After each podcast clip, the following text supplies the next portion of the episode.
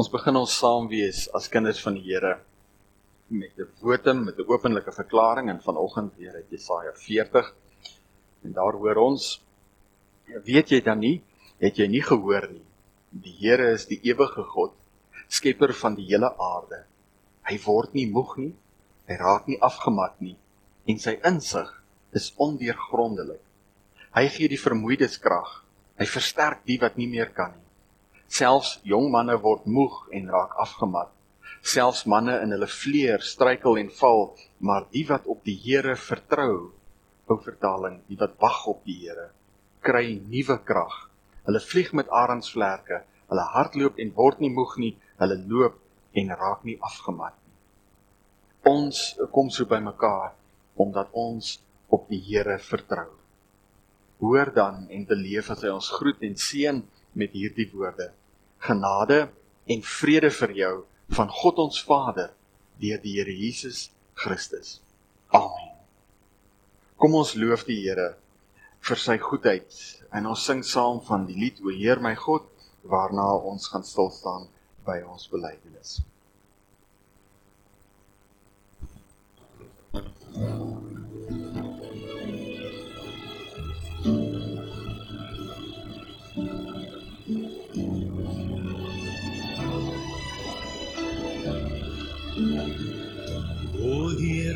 God as ek in eerbied wonder met al u werke elke dag aanskou. Die son en maan die aarde sterre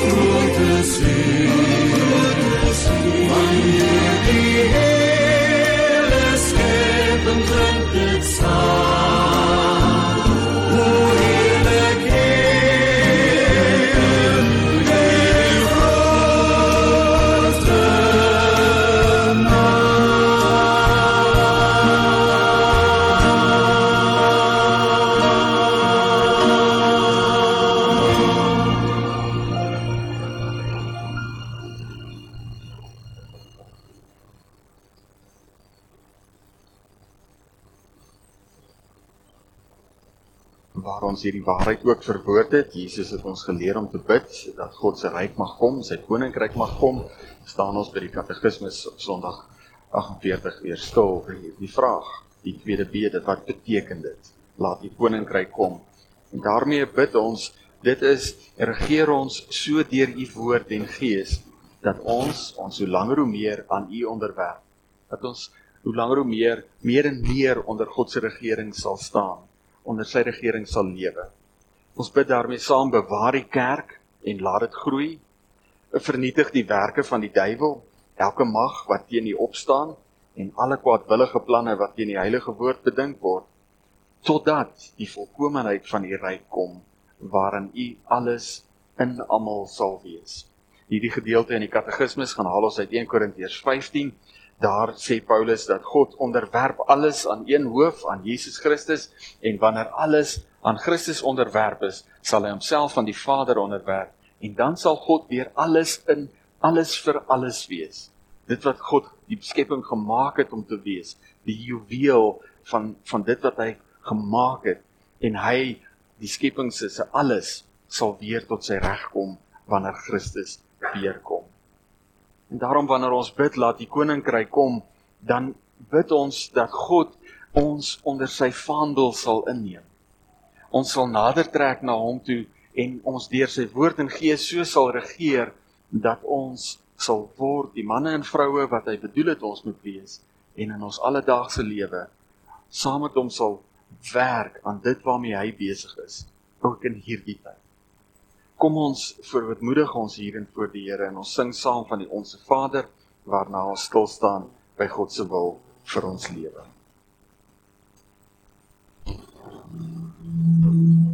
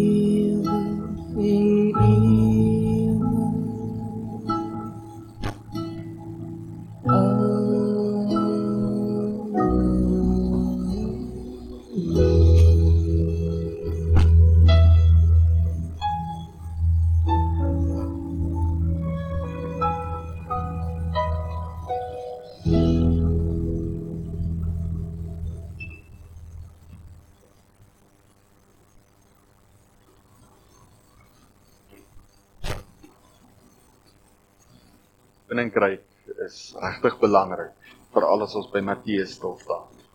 Die koninkryk van God en die koninkryk van duisternis is 'n werklikheid wat ons lewe omvou en ons sal vanoggend in die prediking vir 'n oomblik daarby stil staan. Maar wanneer ons praat oor die koninkryk van die hemele, is dit wat Christus kom verkondig, die evangelie van die koninkryk van die hemele en die koninkryk van die hemel gaan daaroor dat God besig is om te soek en te red die wat verlore is. Daarom as ons stil staan by God se wil vir ons lewe, wat beteken dit? Hoe lyk dit as ons meer en meer onder die regering van God staan? Dan hoor ons Jesus het hierdie opdragte vir ons gegee. Toe Jesus die menigte sien, het hy hulle innig jammer gekry want hulle was moeg en hulpeloos so skape wat nie 'n wagter het nie. Hy sê toe vir sy disippels: "Die oes is groot, maar die arbeiders min. Bid dan die Here aan wie die oes behoort om arbeiders vir sy oes uit te stuur." Jesus het wanneer hy net voor hy opgevaar het hierdie opdrag gegee. Jesus het nader gekom en vir hulle gesê: "Aan my is alle mag gegee in die hemel en op die aarde. Gaan dan na al die nasies toe en maak die mense my disippels, doop hulle in die naam van die Vader en die Seun en die Heilige Gees en leer hulle om alles te onderhou wat ek julle beveel het. En onthou, ek is by julle al die dae tot die volëinding van die wêreld. Kom ons bid ons Vader vir arbeiders vir die oes en ons doen dit deur saam te sing van die lied lig vir die nasies en daarna sal ek vir ons voorgaan in gebed.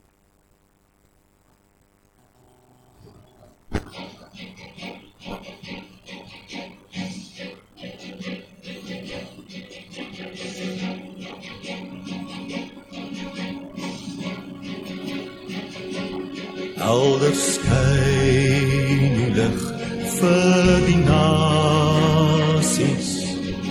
'n vreugde glans om die mense te verlig tot die hele wêreld kan sien is die lig. Mag hele hier deur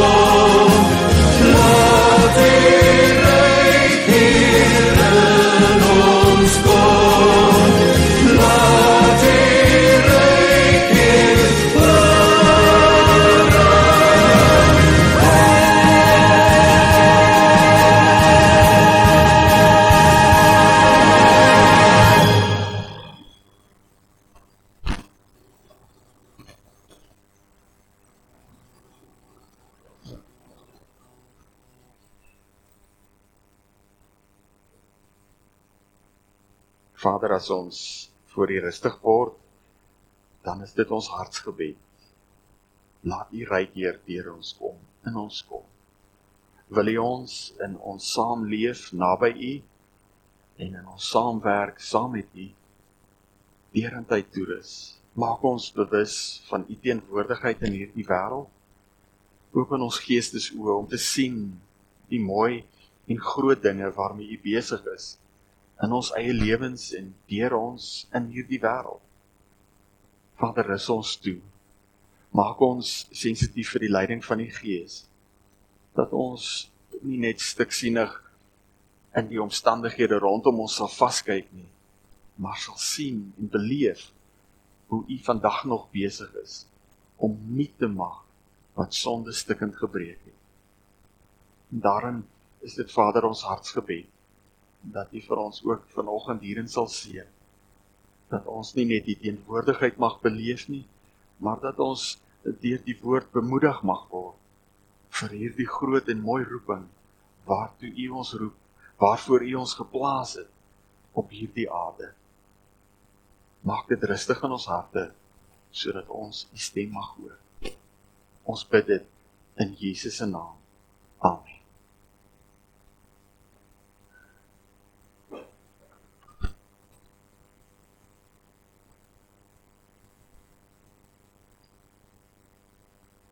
Ons gaan verder in Matteus 13. Ons maak net weer vas. Hierdie evangelie word geskryf aan gelowiges in die Romeinse provinsie Sirië. Uh die eerste gemeentes wat daar tot stand gekom het, gemeentes wat swaar tye beleef het. Hulle is verbann uit die sinagoges, uit hulle omgewing, hulle uh, omgewing, hulle netwerk van ekonomiese en maatskaplike en sosiale sorg. Um En daarmee saam het die het die die Romeinse owerhede hulle met baie groot agterdog dopgehou uh omdat hulle nie hierdie mense vertrou het wat Jode was, maar ook 'n sekte van die Jode was wat ook nie meer by die Jode welkom was nie. So hulle het regtig moeilike tye beleef. En die Here roep vir Matteus om hierdie evangelie te skryf om hulle toe te rus, om die eerste gemeentes toe te rus. En daarom is hierdie evangelie 'n handleiding vir disippelskap vir daardie gemeentes. Die kernsaak wat vasgemaak word is dat jy vind nie jou ware identiteit in jou tradisies of in jou in die feit dat jy Jood is of vir ons dat ons Afrikaners is nie. Jy vind jou ware identiteit in navolging van Christus.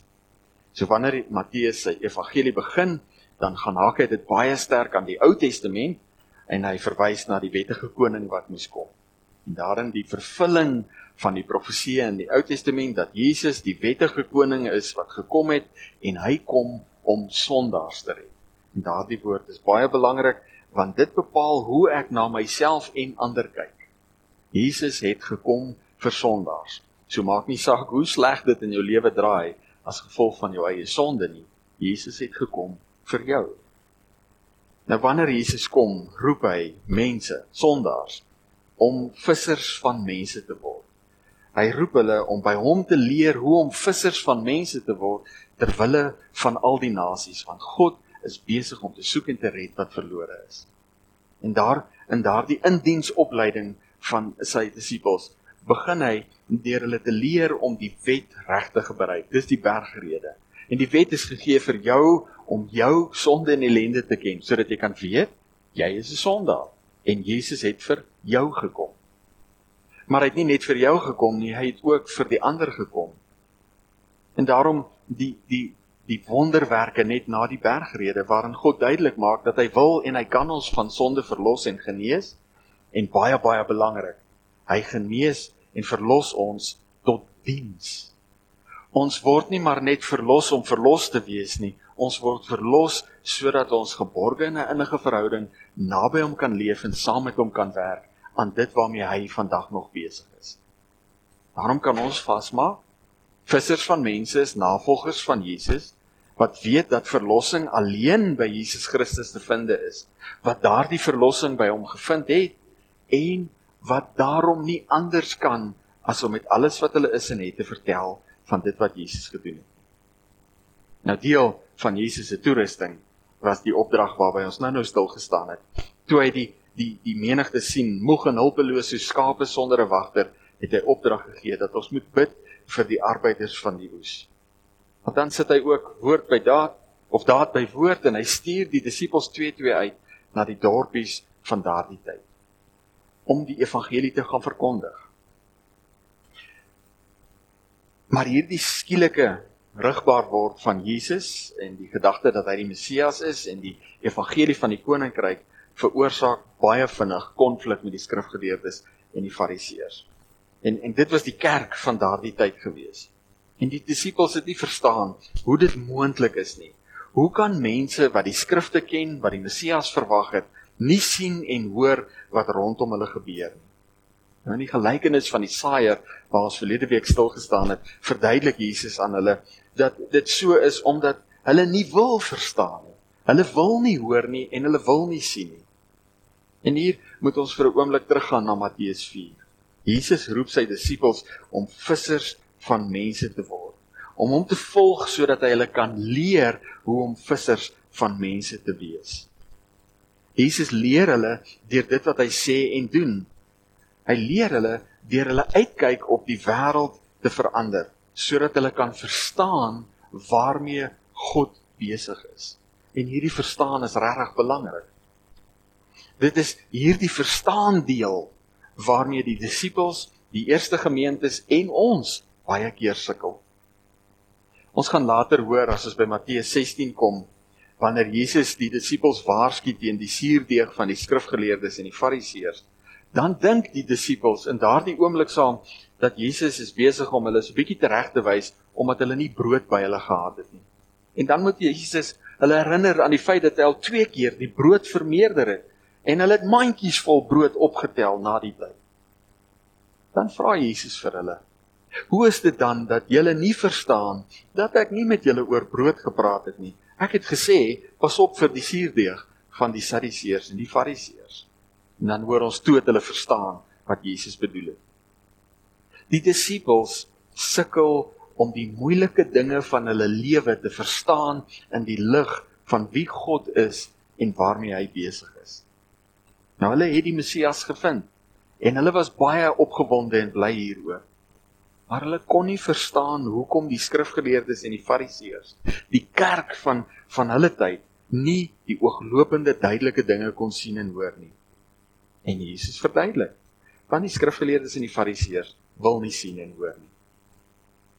Nou die disippels was nie die verste geleerde mense van hulle tyd nie, maar hulle was nie onnosel Hoe is dit moontlik dat die mense wat nie wil hoor en sien nie in die kerk is, deel van die volk van God is? En dis vir hulle 'n groot vraag. En Jesus verduidelik dit in die gelykenis van die saaier. En nou kom ons by hierdie gedeelte.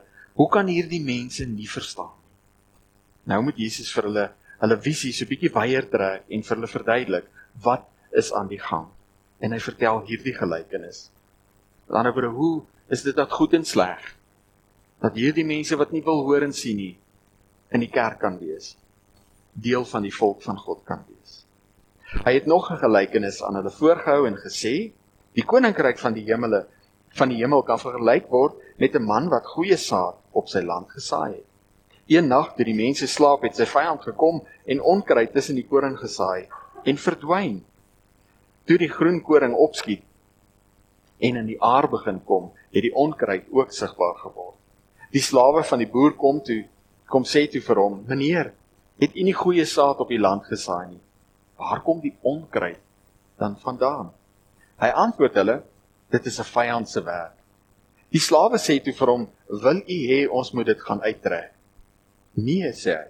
"As julle die onkruid nou bymekaar maak, sal julle die koring saam uittrek. Laat albei saam groei tot met die oes." In die oestyd sal ek vir die wat oes sê, maak eers die onkruid bymekaar en bind dit in bondels om dit te verbrand, maar bring die koring na my skuur toe. Hy het nog 'n gelykenis aan hulle voorgehou en gesê, die koninkryk van die hemel is soos 'n mosterdsaadjie wat iemand gevat en in sy land geplant het. Dit is die kleinste van al die soorte saad. Maar dit is as dit uitgegroei het, is dit groter as die tuinplante en word dit 'n boom sodat die voëls in sy takke kan nes maak. Hy het hulle nog 'n gelykenis vertel. Die koninkryk van die hemel is so suurdeeg wat 'n vrou gevat en in 'n groot skottel meel ingewerk het totdat dit heeltemal deursuur was. Al hierdie dinge het Jesus vir die mense in gelykenisse geleer en sonder 'n gelykenis het hy hulle niks geleer nie. So moes vervul word wat die Here deur die profeet gesê het. Ek sal gelykenisse gebruik en ek as ek praat, ek sal bekend maak wat geheim gebly het van die skepping af. Daarna het Jesus van die mense af weggegaan huis toe. Sy disippels kom toe by hom en vra: "Verduidelik tog vir ons die gelykenis van die onkruid en die land." En Jesus antwoord: Hy wat die goeie saad saai, is die seun van die mens. Die saailand is die wêreld. Die goeie saad is die mense van die koninkryk. Die onkruid is die aanhangers van die bose. Die vyand wat die onkruid saai, is die duiwel. Die oes is die volëinding van die wêreld. Die wat oes, is die engele. Soos die onkruid bymekaar gemaak en met vuur verbrand word, so sal dit by die volëinding van die wêreld wees. Die seun van die mens sal sy engele stuur en hulle sal uit sy koninkryk verwyder almal wat ander mense in sonde laat val en almal wat die wet van God oortree en sal hulle in die brandende oond gooi daar sal hulle huil en op hulle tande kners en dan sal die gelowiges in die koninkryk van hulle Vader skitter soos die son. Wie ore het moet luister. Gelykenisse. Gelykenis wat Jesus vertel. In antwoord op 'n vraag wat daar geleef het in die disippels se harte 'n antwoord in in die verloop van 'n gesprek tussen die disippels en Jesus waar Jesus besig was om die disippels toe te rus vir hulle weg. En hier is dit dan die vraag, hoe is dit moontlik? Hoe is dit moontlik dat mense in die kerk kan wees, deel van die volk van God kan wees, maar nie wil hoor nie en nie wil sien? En Jesus antwoord: Die vyand het onkruid tussen die koring gesaai. En dit is wat is. Dit is hoe dit is. Vir sy eerste disippels, die eerste gemeentes en ons wat iets verstaan en raak sien van hierdie moeilike omstandighede waarin ons is, verduidelik Jesus deur hierdie gelykenis. Hy weet wat aangaan. Die koninkryk van lig en die koninkryk van duisternis deel dieselfde wêreld. Maar hou moed want hy het 'n plan. En nee, daardie plan is nie om ons uit die wêreld uit te haal nie, op 'n bonatuurlike manier te red van die moeilike omstandighede waarin ons is nie. Albei gaan saamgroei tot die oestyd aanbreek. In Johannes 16 sê Jesus vir ons, in hierdie wêreld sal ons dit moeilik hê, maar ons moet moed hou want hy het die wêreld klaar oorwin. Wanneer hy vir ons bid in Johannes 17, dan bid hy tot ons Vader en hy sê ek bid nie dat U hulle uit die wêreld moet wegneem nie, maar dat U hulle van die bose moet bewaar. Ons is in hierdie wêreld en ons is in hierdie wêreld met 'n doel. Die Here gaan ons nie hier uithaal nie. Nou ons is hier met 'n baie belangrike doel om vissers van mense te wees. Omdat God besig is om te soek en te red wat verlore is. Nou as ons na hierdie gelykenis luister, is dit belangrik om te verstaan dat die gelykenis nie gaan oor goeie en slegte mense. Want as jy daar vashak, dan gaan jy by 'n punt kom waar jy gaan niks doen nie. Want daar's goeie mense wat Jesus gesaai het en daar's slegte mense wat die duiwel gesaai het en wel, hulle moet nou maar saamleef tot die oestyd. Dan gaan jy by die verkeerde plek eindig. Met hierdie gelykenis sê Jesus net dat die mense van die koninkryk en die mense van lig, die mense van die koninkryk van lig en die mense van die koninkryk van die duisternis deel dieselfde wêreld. Dit is net hoe dit is. Maar hy het 'n plan. Hy het as wettige koning gekom om sondaars te red. Hy het gekom vir hulle wat in die koninkryk van duisternis vasgevang is. Nou is dit belangrik om te onthou. Hy roep en rus die mense in die koninkryk van lig toe om saam met hom te werk terwyl hy soek en red. En hy weet dit is moeilik. Hy verstaan dit. Maar ook hierin was die disippels nie onnoosel nie. Hulle was oortuig dat hulle die Messias gevind het. Maar soos ons gehoor het, selfs na twee vermeerderinge van die brood het hulle steeds gesukkel om te verstaan. So wanneer Jesus verduidelik dat die kinders van die koninkryk van lig in dieselfde wêreld leef as die kinders van die koninkryk van duisternis, dan kry die disippels 'n knop op hulle maag. Dinge gaan nie lekker uitwerk nie. Hier gaan konfrontasie kom. Hier gaan konflik kom. Hulle is van Galilea waar die heidene woon. Hulle is Jode, maar in terme van hulle kultuur en status was hulle so ver weg van die elite in Jerusalem dat hulle maar net sowel heidene kon wees. So op hierdie oomblik sit hulle met 'n baie ernstige probleem. As dit wat hulle gesien en gehoor en gedoen het hier op die verre platteland soveel konflik met die skrifgeleerdes en fariseërs uitgelok het, wat gaan gebeur as hulle uiteindelik in Jerusalem kom? So hier langs die see, terwyl Jesus aan hulle verduidelik wat regtig aangaan, val die spreekwoordelike eerste skoen. Hier gaan moeilikheid kom. Hierdie vraag oor wat gaan gebeur bly by hulle totdat hulle later in Jerusalem kom en Jesus gevange geneem word en al die disippels weghardloop, wegvlug van hom af. Dan val die ander skoen. Die konflik en die konfrontasie word op 'n spits gedryf en die disippels vlug.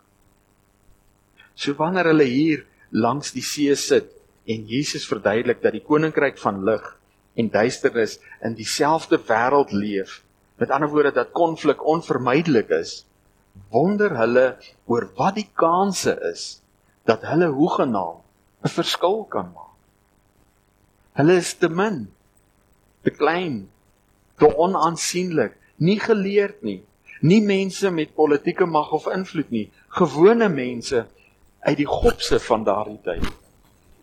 Hoe sal hulle 'n verskil kan maak teen die oormag van die bestaande stelsel van daardie tyd? Hoe gaan hulle vissers van mense wees? Van juis daardie mense wat maklik vasgevang is in die stelsel van daardie tyd. Hulle is net te min en te klein. Hoe kan hulle 'n verskil maak?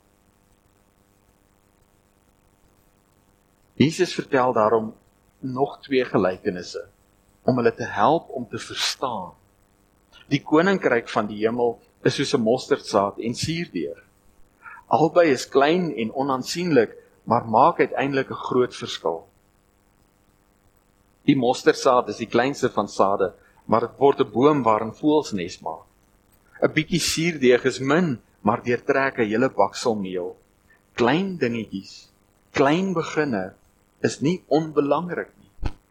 In Sagaria 4 sê die Here moenie die dag van klein dingetjies gering skat nie.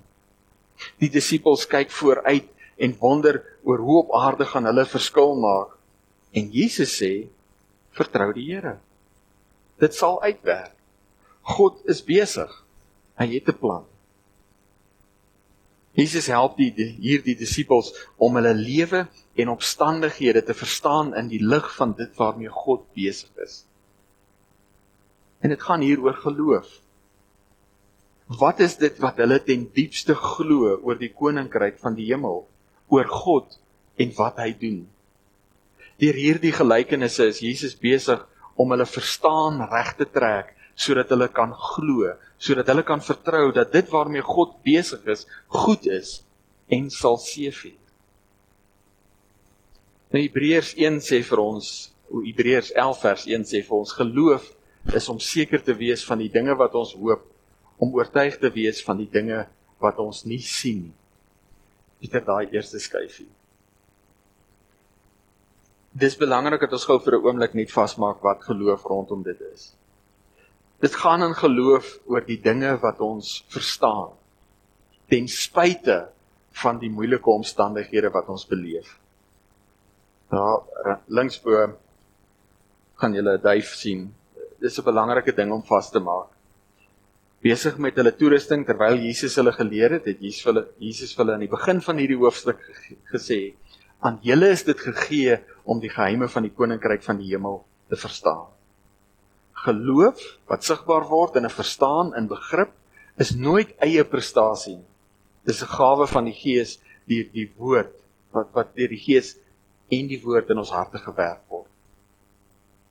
Maar ons leef vandag met 'n bietjie van 'n probleem as ons oor geloof praat populêr verstaan dink mense geloof is 'n krag waarmee jy dinge beheer of manipuleer.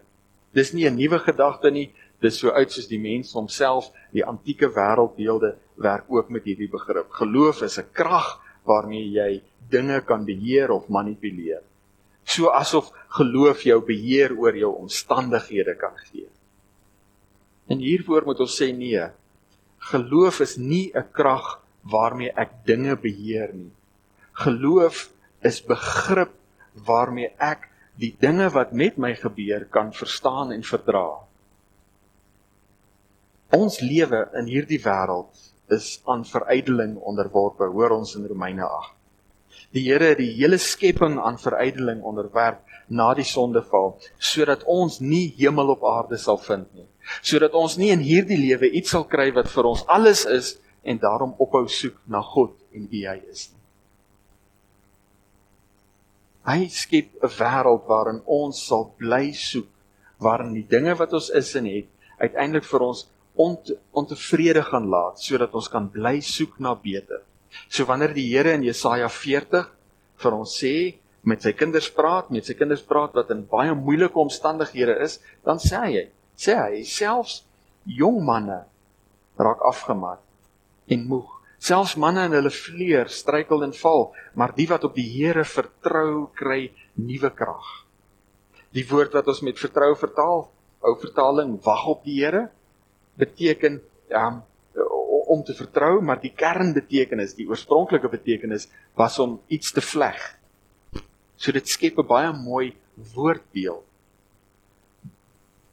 Selfs jong manne in hulle vleuer word moeg, struikel en val. Maar die wat op die Here vertrou, kry nuwe krag. Die wat hulle self binne in die moeilike omstandighede vasvleg aan die Here, kry nuwe krag om staande te bly en te doen wat gedoen moet word. Dit gaan hier oor wat ons ten diepste glo. Dit gaan oor dit waarin en waarop ons ons vertroue plaas. Ons lewe in hierdie wêreld is vol op en af, goed en sleg. En as my onmiddellike omstandighede my uitkyk op die lewe en wêreld bepaal, gaan ek op en af deur die lewe gaan. Maar as ek vertrou op God en dit waarmee hy besig is, glo dat dit uiteindelik sal seëvier, dan kan ek in geloof volhard. En daarom doen Jesus moeite om seker te maak ons verstaan ons Vader se hart dat dit goed is. En ons verstaan waarmee hy besig is, dat dit seker is dit gaan gebeur soos wat hy dit beslis het. As my omstandighede of enigiets anders um my fondasie word, die inhoud van my geloof word, letterlik die ding is waarop ek vir my lewe vertrou, gaan ek teleurgesteld wees. Maar as ek die Here en wat hy doen vertrou, kan ek saam met die psalmdigter in Psalm 91 sê, hy wat die allerhoog by die allerhoogste skuilings vind, die beskerming van die Almagtige geniet, hy sê vir die Here, U is my toevlug en my veilige vesting, my God op wie ek vertrou. En daardie vertroue is geloof. In 2 Timoteus 2 sê die Here as iemand gereinig is van die kwaad sal hy of sy 'n artikel vir besondere gebruik wees. Nou die woord wat ons met kwaad vertaal is adikia. Dit beteken om uit harmonie of uit pas uit te wees met God. Wanneer ons in pas kom, in harmonie met God kom, dan is ons artikels vir besondere gebruik. Geloof is om in ons alledaagse lewe in pas te kom met God, met wie hy is en wat hy doen nie my omstandighede nie, nie my selfsugtige begeertes nie, maar wie God is en wat hy doen, gee vir my perspektief op die lewe se op en af. En daarom die geloof om in vertroue te volhard in my verhouding met hom en in dit wat hy van my vra. Geloof is nie beheer oor dinge en omstandighede nie. Geloof is begrip om te midde van omstandighede in vertroue op God te volhard en te doen wat gedoen moet word. Maar nou sit ons met hierdie dilemma dat Jesus 'n paar uitsprake gemaak het wat 'n bietjie verwarrend kan wees. Jesus sê vir ons in Matteus 17: "Dit verseker ek julle, as julle maar geloof so groot soos 'n mosterdsaadjie het, sal julle vir hierdie berg sê gaan staan daar aan die ander kant en hy sal gaan. Niks sal vir julle onmoontlik wees nie." So beteken dit dan nie dat ons beheer oor dinge kan kry nie. Verder sê Jakobus dat gee vir ons hierdie opdrag en sê ons ons moet vir die siekes bid sodat hulle gesond kan word. En dan kwalifiseer hy dit ons moet gelowig bid. Hy sê in in hoofstuk 1 Maar 'n mens moet gelowig bid en nie twyfel nie, want iemand wat twyfel is soos 'n brander in die see wat deur die wind aangejaag en heen en weer gedryf word. So mens wat altyd aan die twyfel is en onbestendig is in al sy doen en late, moenie dink dat hy iets van die Here sal ontvang. Maar hier's 'n belangrike stukkie hierin. Wanneer ons dink oor geloof as hierdie krag waar, waarmee jy dinge beheer, dan is die volgende punt, hoe groot is jou geloof of hoe klein is jou geloof? Want hoe groter jou geloof, hoe meer dinge kan jy beheer. Wel, so loop die storie. Maar wanneer Jakobus oor geloof skryf, dan sê hy 'n mens wat twyfel, so 'n mens wat altyd aan die twyfel is en onbestendig is in al sy doen en late, moenie dink dat hy iets van die Here gaan ontvang nie. Dit gaan nie oor hoe groot jou geloof is of hoe klein dit is nie. Dit gaan oor dit wat jy doen en nie doen nie. Dit gaan oor hoe jy leef in jou alledaagse lewe. Nou Jakobus sê reg dat die gebed van 'n gelowige het 'n kragtige uitwerking. Maar dis nie die hele uitspraak nie. In Hoofstuk 5 vers 16 sê hy: "Bely julle sondes openlik teenoor mekaar, bid vir mekaar sodat julle gesond kan word." Die gebed van 'n gelowige het 'n kragtige uitwerking. Geloof word in Jakobus se denke nou gekoppel aan wie God is en wat hy doen. Hy verlos sondaars. God is liefde en hy is lief vir sy wêreld. Hy wil nie hê die sondaar moet sterf nie, maar hom bekeer en lewe. En daarom het hy vir Jesus gestuur om te soek en te red wat verlore is. En daarom stuur Jesus ons, sy disippels, om die boodskap van verlossing en verzoening te deel in die wêreld. So wanneer die Here in Jesaja sê dat die wat op hom vertrou nuwe krag kry, is dit nie krag om dinge te beheer nie, maar krag om in geloof staande te bly, tot op volhard te midde van die omstandighede totdat dit wat God doen sigbaar word. En daardie selfde gedagte lê in 2 Timoteus 2. Daar hoor ons dat mense wat in pas met God gekom het, nie moet risie maak nie en hulle teenstanders met vriendelikheid moet antwoord, want wie weet, God kan die mense vrymaak uit die vangstruk van die duiwel. Die Here is oor eeue heen besig met sy verlossingsplan, besig om te soek en te red wat verlore is. En dit is wat belangrik is. Veral as ons praat oor geloof. Geloof is nie krag om dinge te beheer nie. Geloof is begrip om te verstaan en daarom te vertrou op die Here juis te midde van moeilike en soms regtig onverstaanbare omstandighede om te vertrou dat hy goed is en alle dinge ten goeie sal laat meewerk dat dit waarmee hy besig is sal seëvier geloof is om te midde van die moeilike omstandighede in te vertroue te volhard totdat die groot dinge wat God doen sigbaar word. En daarom is Romeine 8 en 12 vir ons so belangrik Dit beskryf wat God in sy liefde vir ons doen en wat ons in antwoord op sy liefde vir hom doen. Maar dit vra vertroue om hierin te volhard. Dit vra geloof om jouself as offer te gee.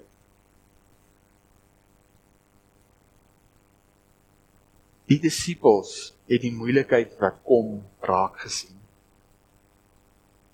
En hulle het gewonder, wat gaan gebeur? Maar Jesus besig met hulle toerusting leer hulle om reg te dink oor God en die koninkryk en oor dit wat hulle in die koninkryk moet doen. Ja, hulle is min. Wat hulle doen is klein.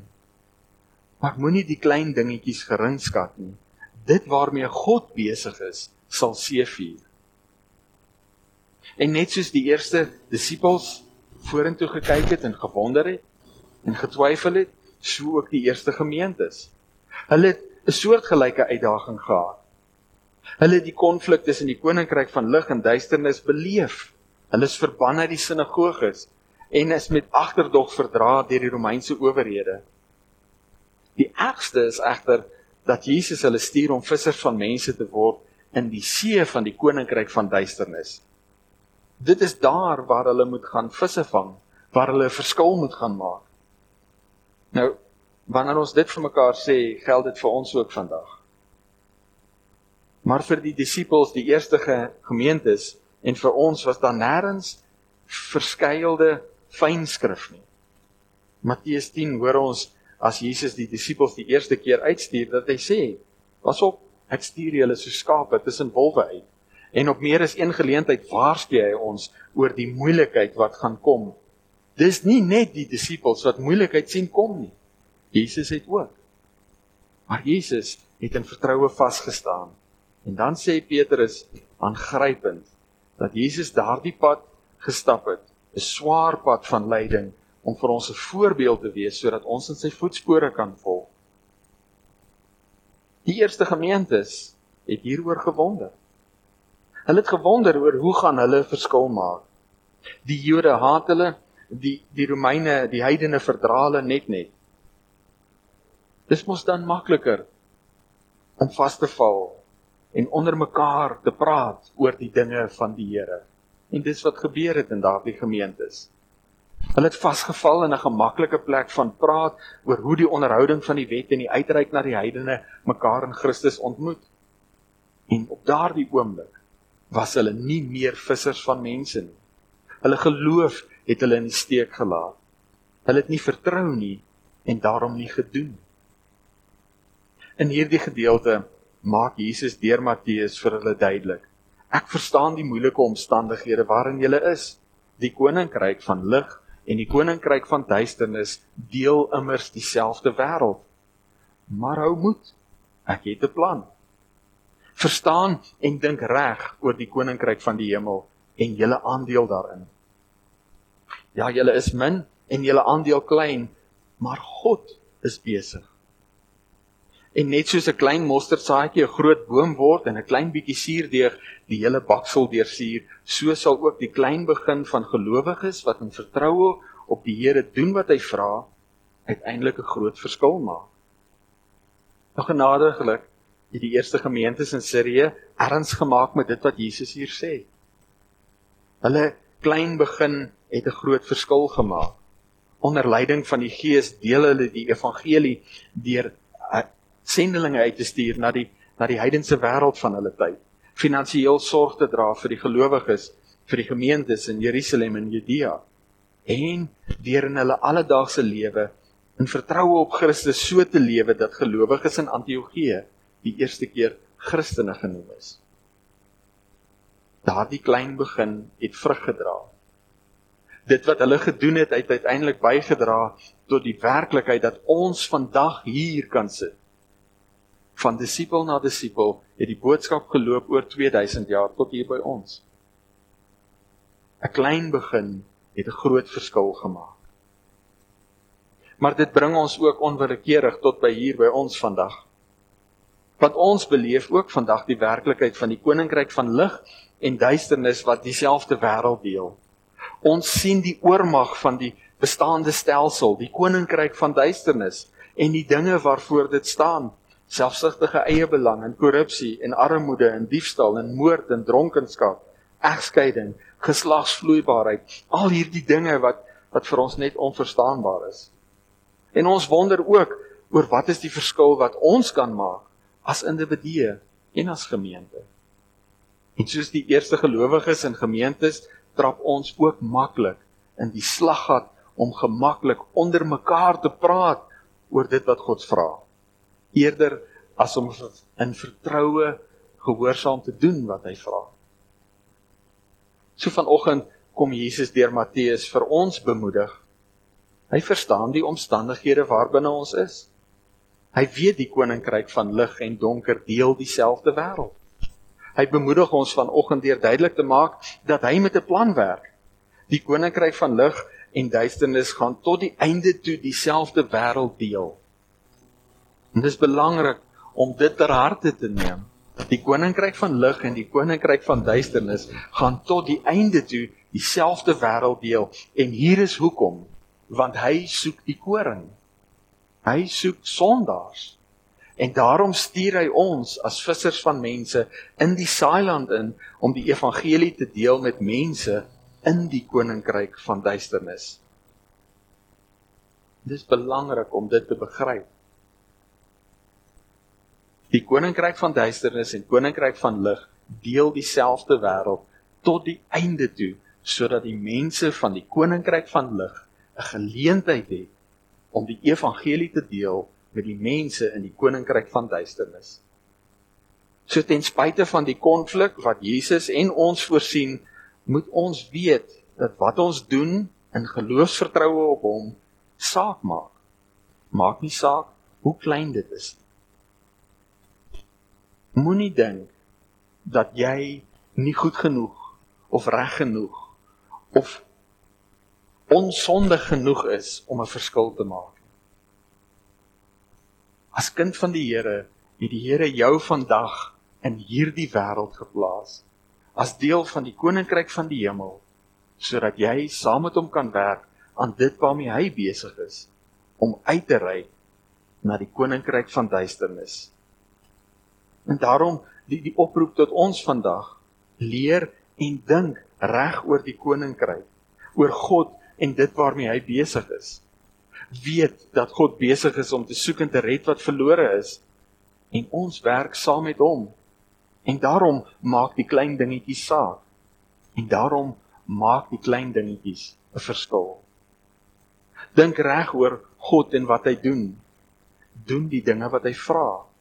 Selfs al is jy en dit wat jy doen klein. Volhard in geloofsvertroue ten spyte van jou omstandighede totdat die groot dinge wat God doen sigbaar word. Amen.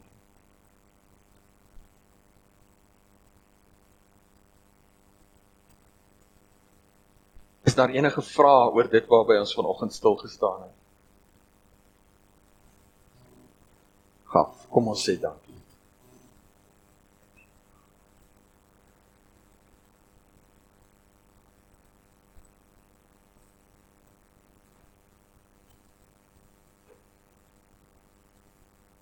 Vader, as ons voor U rustig word, dan kom ons as kinders na U toe wat iets van die verydeling van die skepping beleef. Die stikkend en die seer en die donker van 'n sondeval innig beleef, nie net in ons eie lewens nie, maar veral in die wêreld rondom ons. As ons sien die verval in in paaie en geboue en infrastruktuur, as ons sien die verval in die samelewing, in ons maatskaplike omgewing dan beleef ons die werklikheid van die koninkryk van duisternis. Dankie dat ons vanoggend opnuut mag vasmaak dat u begrip het vir hierdie omstandighede.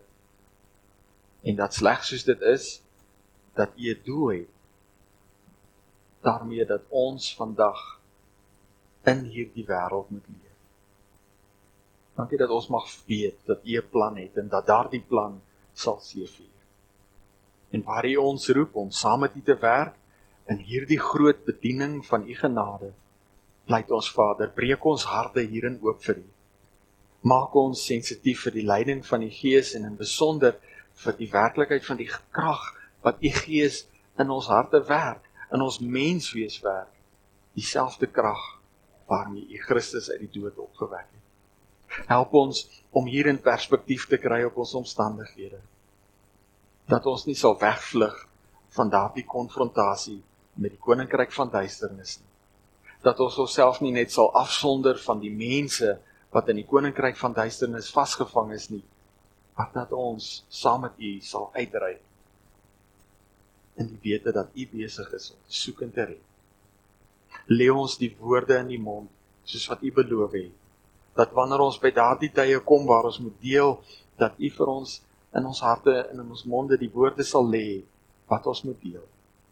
Maak ons hierin gewillig en bekwaam soos wat U bedoel en beloof om te doen.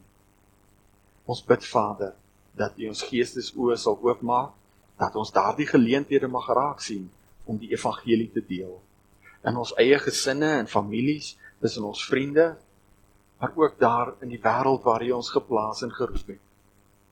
Sodat ander mag hoor dat daar vergifnis, verlossing en nuwe lewe moontlik is. Mag U ryk Here deur ons kom en in ons kom tot eer van U naam. Ons bid dit in Jesus se naam. Amen.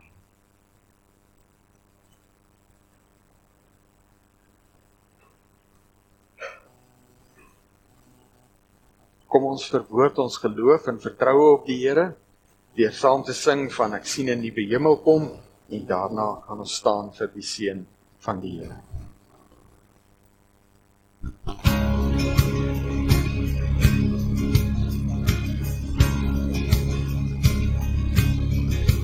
Ek sien 'n nuwe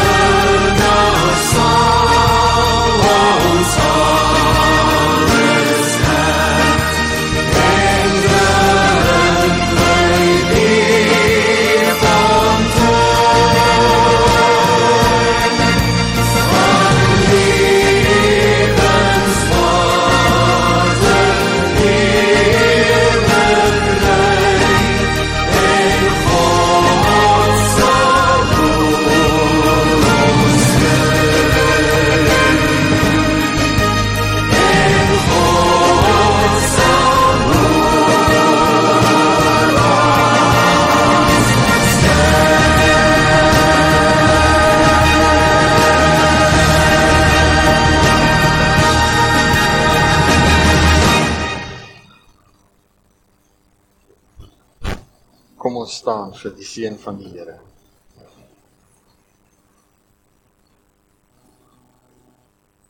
God is vandag nog besig in hierdie de mekaar wêreld besig om te soek en te red wat verlore is. Daarin het hy ons gered en daarin roep hy ons om saam met hom te werk aan die deel van sy genade en verlossing in die wêreld om ons. Hiertoe seën hy ons. Ontvang daarom die seën van ons Here. Mag dit vir jou toerusting wees en 'n genade toedeling wees as jy as visser van mense gaan leef. Die genade van ons Here Jesus Christus en die liefde van God ons hemelse Vader en die gemeenskap en leiding van die Heilige Gees is met u elkeen. Amen. Thank you.